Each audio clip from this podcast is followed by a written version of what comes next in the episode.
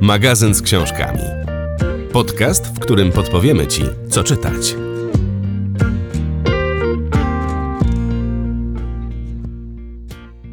Dzień dobry.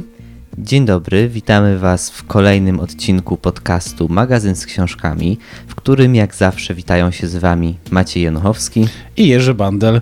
Dziś po kilku tygodniach stwierdziliśmy, że nie ma co dłużej unikać tego tematu i chcemy porozmawiać o epidemii.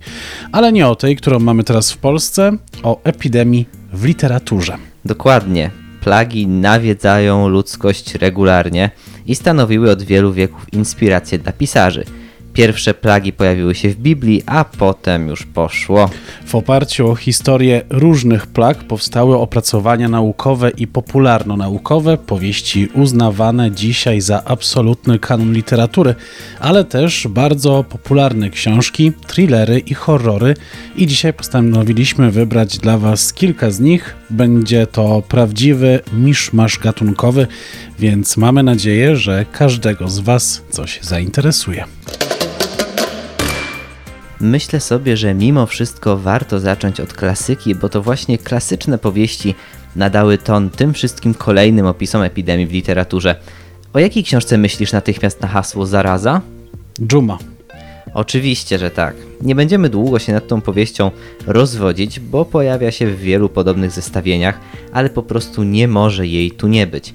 Albert Camus stworzył ponadczasowe dzieło, w którym Dżuma w błyskawicznym tempie opanowuje miasto, a jego mieszkańcy muszą nauczyć się żyć zupełnie od nowa.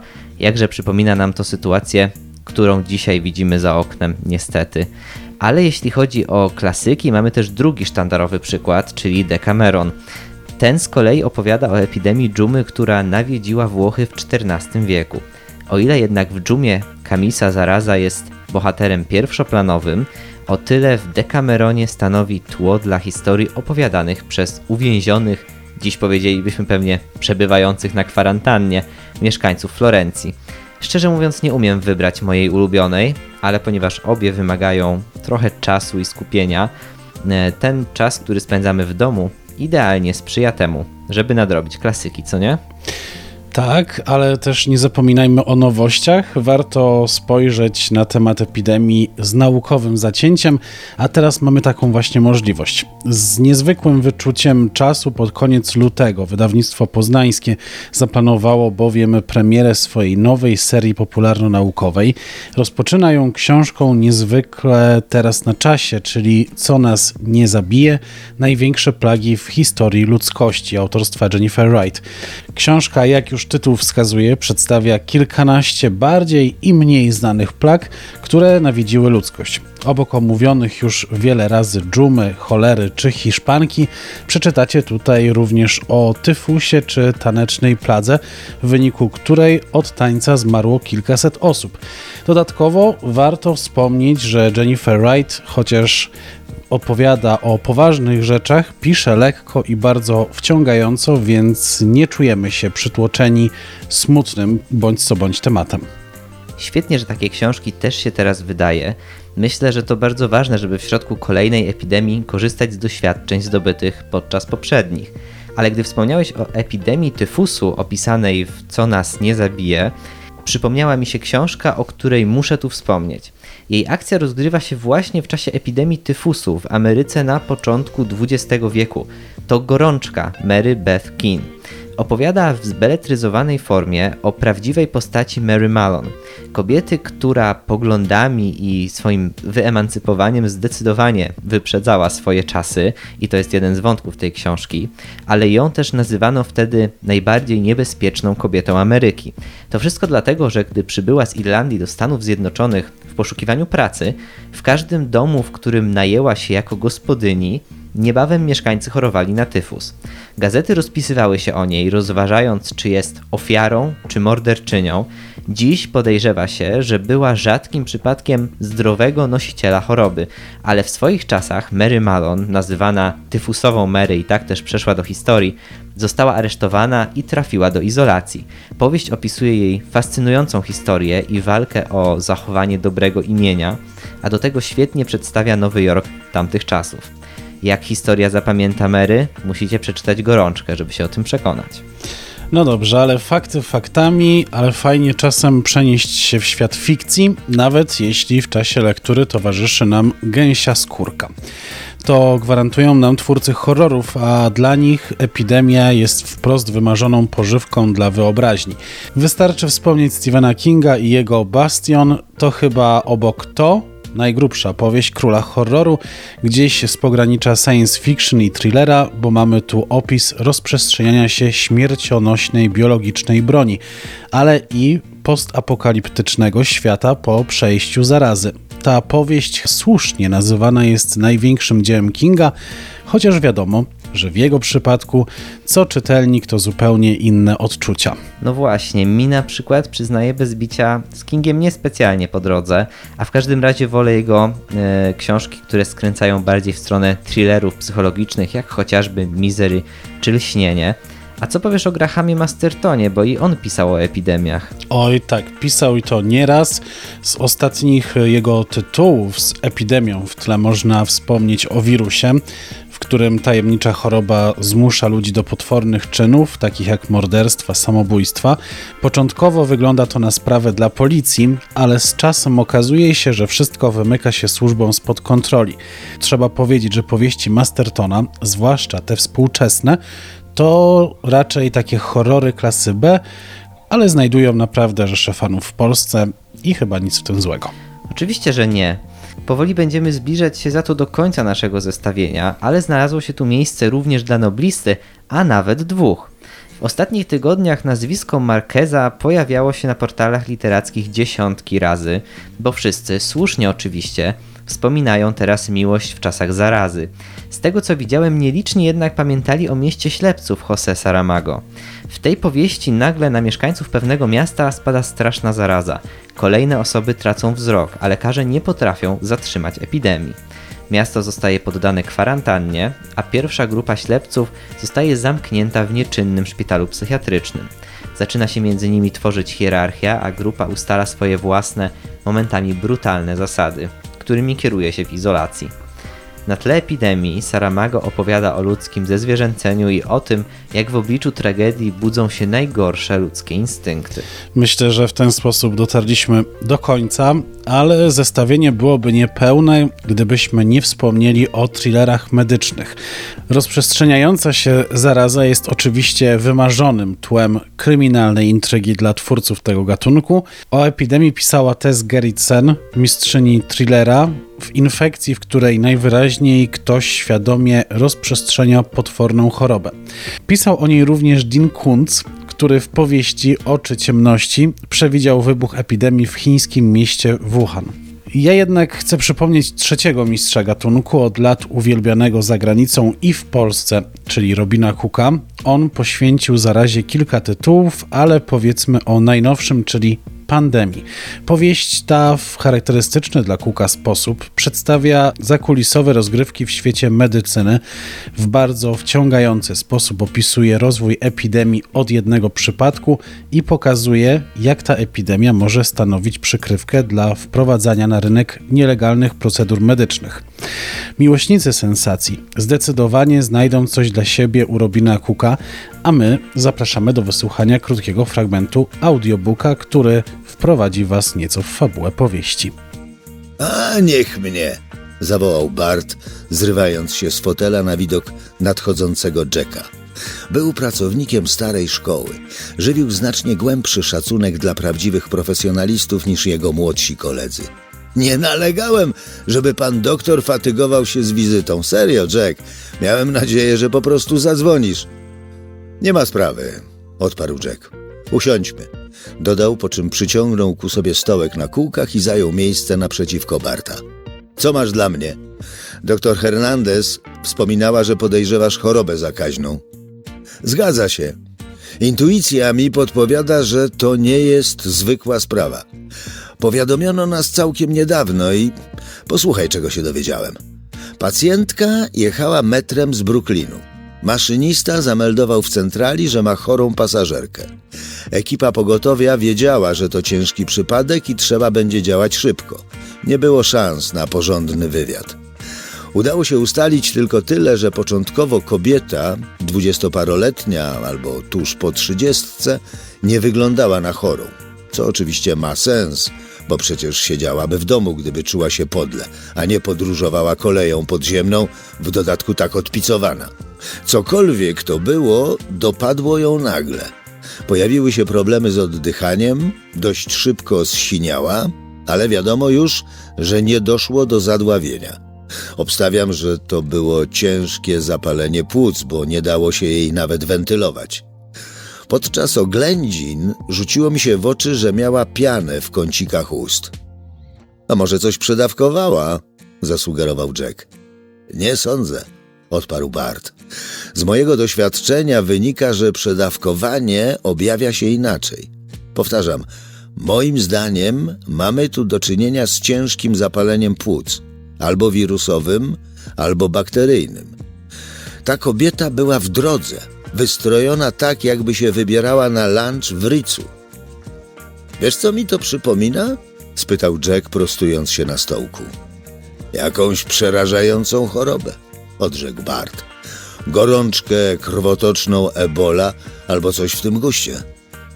Prawdę mówiąc, miałem na myśli coś bardziej przyziemnego, ale i straszniejszego, powiedział Jack. W jego głosie dało się wyczuć lekkie podniecenie. Nie chciał jeszcze robić sobie wielkich nadziei, ale pomału umacniał się w przekonaniu, że to będzie to, czego potrzebował. Coś, co pozwoli mu zapomnieć o autyzmie Emmy i inwazji teściowej. Myślę, że po tym fragmencie wiecie już, czy Robin Cook Was zaintrygował i czy chcecie sięgnąć po jego książkę. Mamy nadzieję, że nasze podpowiedzi były dla Was inspiracją, jeżeli macie ochotę zainteresować się tematem epidemii od strony literackiej. Myślę, że to już dobry czas na to, aby oderwać się od e, myśli o wszechobecnej zarazie. Przygotowaliśmy dla Was na koniec tradycyjnie dwie recenzje nowości. Co masz dzisiaj, Jerzy? A mam coś bardzo dobrego. Powieść z historią w tle, bo czegoś takiego jak dotąd jeszcze w podcaście nie było. Mówię o najnowszej książce Macieja Siembiedy, jednego z moich ulubionych autorów powieści historycznych, jeżeli tak je można nazwać, bo akcja Wotum, o którym chcę powiedzieć, rozgrywa się co prawda współcześnie, ale to historia jest tu jednak kluczem do rozwikłania zagadki. Jak rozumiem, Wotum to kolejny tom serii. Tak, w tej książce bohaterem jest Jakub Kania, prokurator IPN-u, który występował także w poprzednich powieściach autora 444 i Miejscu i Imieniu, ale wcale nie trzeba ich znać, żeby móc zapoznać się z Wotum, chociaż oczywiście polecam przeczytać, bo są świetne. Jakub Kania to pasjonat historycznych zagadek. Ma niezwykłą intuicję i rozwiązuje tajemnice z przeszłości. To trochę taki współczesny pan samochodzik. Każda z powieści z nim w roli głównej jest bardzo silnie oparta na prawdziwych historycznych wydarzeniach, tylko trochę podkręconych przez wyobraźnię autora. Tym razem punktem wyjścia jest zamach na największą świętość dla polskich katolików, czyli oczywiście obraz Matki Boskiej Częstochowskiej. Na pewno pamiętacie tamto wydarzenie z 2012 roku, kiedy ktoś próbował zniszczyć obraz, rzucając w niego pojemnikiem wypełnionym czarną farbą. Maciej Siembieda wysnuwa z tego fascynującą opowieść o sekcie, której zależy na zniszczeniu rynku dewocjonaliów w Polsce, o kopii najsłynniejszego polskiego obrazu i chroniącym go stowarzyszeniu. Brzmi dobrze. Za co najbardziej lubisz książki Siembiedy? Za to, że historia, jak powiedziałem, gra w nich pierwsze skrzypce. Kania to przesympatyczny bohater, którego nie da się nie lubić, ale jego przygody przeplatają się z prawdziwymi wydarzeniami historycznymi, w dodatku często takimi, o których nie mamy zielonego pojęcia. Zawsze powtarzam, że Maciej Siembieda ma niezwykły dar opowiadania historii. W taki sposób, że nie można się od nich oderwać znajduje mało znanych bohaterów historycznych albo takie wątki w biografiach tych popularnych postaci, o których nie mówi się na lekcjach historii i układa z nich ciekawe fabuły. To idealnie wyważona mieszanka powieści historycznej i sensacyjnej, która powinna przypaść do gustu fanom obu tych gatunków, więc gorąco polecam. O Macieju Siembiedzie z każdą kolejną jego powieścią jest na polskim rynku coraz głośniej, więc warto poznać to nazwisko już teraz. W tym tygodniu przygotowałem dla Was książkę pod tytułem List Anny Karpińskiej. Jest to pierwszy tom nowej serii autorki, która nosi tytuł Pamiętaj o mnie. Zanim jednak przejdziemy do książki, warto na chwilę skupić się na samej autorce. Pracowała w kilku branżach. Była już pracownikiem akademickim, wydawcą, dziennikarką, szkoleniowcem, wdrażała systemy jakości. Na co dzień mieszka w Toruniu, a w weekendy lubi emigrować na wieś. Jest mężatką, matką trójki dorosłych dzieci oraz babcią. Swoje książki pisze zazwyczaj, uwaga, w kuchni przy rodzinnym stole. Brak jeszcze zamiłowania do podróży do kompletu. I te również są, właśnie miałem o tym powiedzieć. Szczególnie Anna Karpińska upodobała sobie południe Europy i kraje bałkańskie, jednak i w Polsce ma swoje ulubione tereny, a są nimi Mazury. No to wiemy już co nieco o autorce, może czas powiedzieć coś o fabule. W porządku. Książka List opowiada o pisarce Małgorzacie Korcz. Kobieta przez lata zajmowała się rodziną, dbała o męża i dzieci, była tak zwaną kurą domową, która zawsze musi poradzić sobie sama z wszelkimi problemami, które stawia jej życie. Zawsze w cieniu męża, który był oczkiem w głowie nie tylko swoich rodziców, ale i rodziców głównej bohaterki. No ale jego wykształcenie i kariera jako lekarza były najważniejsze, by rodzina miała za co żyć na dobrym poziomie. Jednak Małgorzata nosi w sercu sekret z przeszłości, który bardzo jej ciąży. Nie zamierza dłużej okłamywać siebie, że jest szczęśliwa w tym małżeństwie oraz że nie dostrzega licznych zdrad swojego męża. Nie chce dłużej okłamywać i jego, bo tajemnica sprzed lat na pewno bardzo go skrzywdzi. Poznajemy historię Małgorzaty dwutorowo. Akcja dzieje się w teraźniejszości i w przeszłości na zmianę. Dzięki temu dość szybko rozumiemy, co przeżywa główna bohaterka i dlaczego chce, by jej życie się odmieniło. W pewnym momencie jednak przeszłość dogania teraźniejszość już pozostajemy tylko w jednym czasie. Trzeba przyznać, że Anna Karpińska ma rękę do tworzenia bardzo realistycznych wydarzeń w fabule i jej bohaterów. Ci są realistyczni, zachowują się naturalnie, nie wykazują jakichś dziwnych skłonności albo mało wiarygodnych cech. Małgorzata jest jak prawdziwa żona i matka. Potrafi działać dość sprawnie podczas kryzysowych sytuacji. Dzieci i ich dobro są dla niej najważniejsze. Zawsze na pierwszym miejscu stawia obowiązki rodzinne, a później dopiero siebie. Jej mąż Rafał jest z kolei typowym lovelasem i uwodzicielem. Swoje niepowodzenia w relacjach z kochankami odreagowuje w domu, na przykład nie najlepszym samopoczuciem i nastawieniem do żony oraz innych domowników. Nie pomaga w domowych obowiązkach, na dodatek jest dyktatorem, któremu się nie odmawia. Wśród dzieci Małgorzaty i Rafała wybija się Jasiek. Chłopak ma iść w ślady ojca i zostać lekarzem, jednak Jasiek kocha robić zupełnie coś innego. Mowa o gotowaniu, no i ma do tego talent. Tak sądzę po opisach jego dań, które autorka zawarła w książce, szczególnie, że wszyscy, którzy ich próbowali, byli zachwyceni. Zaczynam się robić głodny, kiedy słucham o tych wszystkich pysznych potrawach. Więc może powiedz jeszcze coś więcej o książce. O czym Twoim zdaniem jest powieść List? Pierwszy tom serii Pamiętaj o mnie to bez wątpienia książka pełna zmian. Nie tylko tych w życiu dorosłych, ale też na starcie młodych bohaterów. Z powieści bije też odwaga walki o siebie i swoje marzenia, pragnienia, walki o to, co ma być dla nas najlepsze, co kochamy i czego oczekujemy. Nie zawsze te oczekiwania oczywiście zostają spełnione, przynajmniej nie zawsze od razu. Czasem e, na efekty trzeba poczekać nieco dłużej, szczególnie kiedy mówimy o miłości, tej prawdziwej, która pojawia się w książce na bardzo krótko i tak szybko, jak się pojawia, tak szybko ginie. Jednak w pamięci jednej z dwóch osób pozostaje przez lata i kto wie, kiedy się ona znów obudzi kiedy każe tej osobie odnaleźć zagubioną przed laty drugą połowę. Jak to mówią, stara miłość nie rdzewieje. Autorka mocno i zdecydowanie rozpoczyna. Czekam zatem na dalsze ciąg i mam nadzieję, że będzie przynajmniej na tym samym poziomie. To już tak naprawdę wszystkie książki, które na dziś przygotowaliśmy. Już teraz możemy Wam zdradzić, o czym usłyszycie w kolejnym odcinku podcastu Magazyn z książkami. Już za tydzień przygotujemy dla Was dwie przedpremierowe recenzje. Ja opowiem opowieści przez autorstwa Zośki Papużanki, a Ty? A ja z kolei o książce Ja Cię kocham, a Ty miał Katarzyny Bereniki Miszczuk. Te nowości już za chwilę na polskim rynku, dlatego chcielibyśmy Wam trochę wcześniej o nich powiedzieć, żebyście mogli od razu je kupić w księgarni internetowej virtualo.pl. Gdzie znajdziecie oczywiście wszystkie książki, o których mówiliśmy dzisiaj. Część z nich w formie e-booków, część z nich w formie audiobooków. A przed nami święta Wielkiej Nocy. Zazwyczaj to jest tak, że mówimy sobie, że będą to święta rodzinne, tym razem jednak chcielibyśmy Wam życzyć tego, abyście abyście odpoczęli w te święta przede wszystkim i żeby były one dla Was mimo wszystko, mimo tego co się dzieje, spokojne, żebyście złapali trochę dystansu i oddechu e, od tego wszystkiego, co dzieje się wokół nas i oczywiście, żebyście znaleźli chwilę na dobrą lekturę, a ze swoją rodziną zobaczyli się przez internet i usłyszeli przez telefon. Bo pamiętajcie, zostańmy w domu.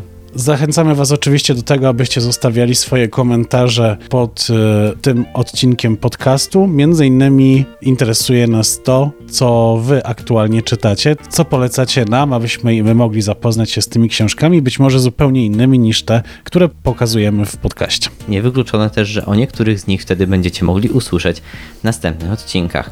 A tymczasem dziękujemy Wam za dzisiejszy odcinek, że byliście z nami. Życzymy Wam zaczytanego tygodnia i słyszymy się już w następny wtorek, jak zawsze o godzinie 15. Do usłyszenia. Trzymajcie się, cześć. Magazyn z książkami. Podcast, w którym podpowiemy Ci, co czytać.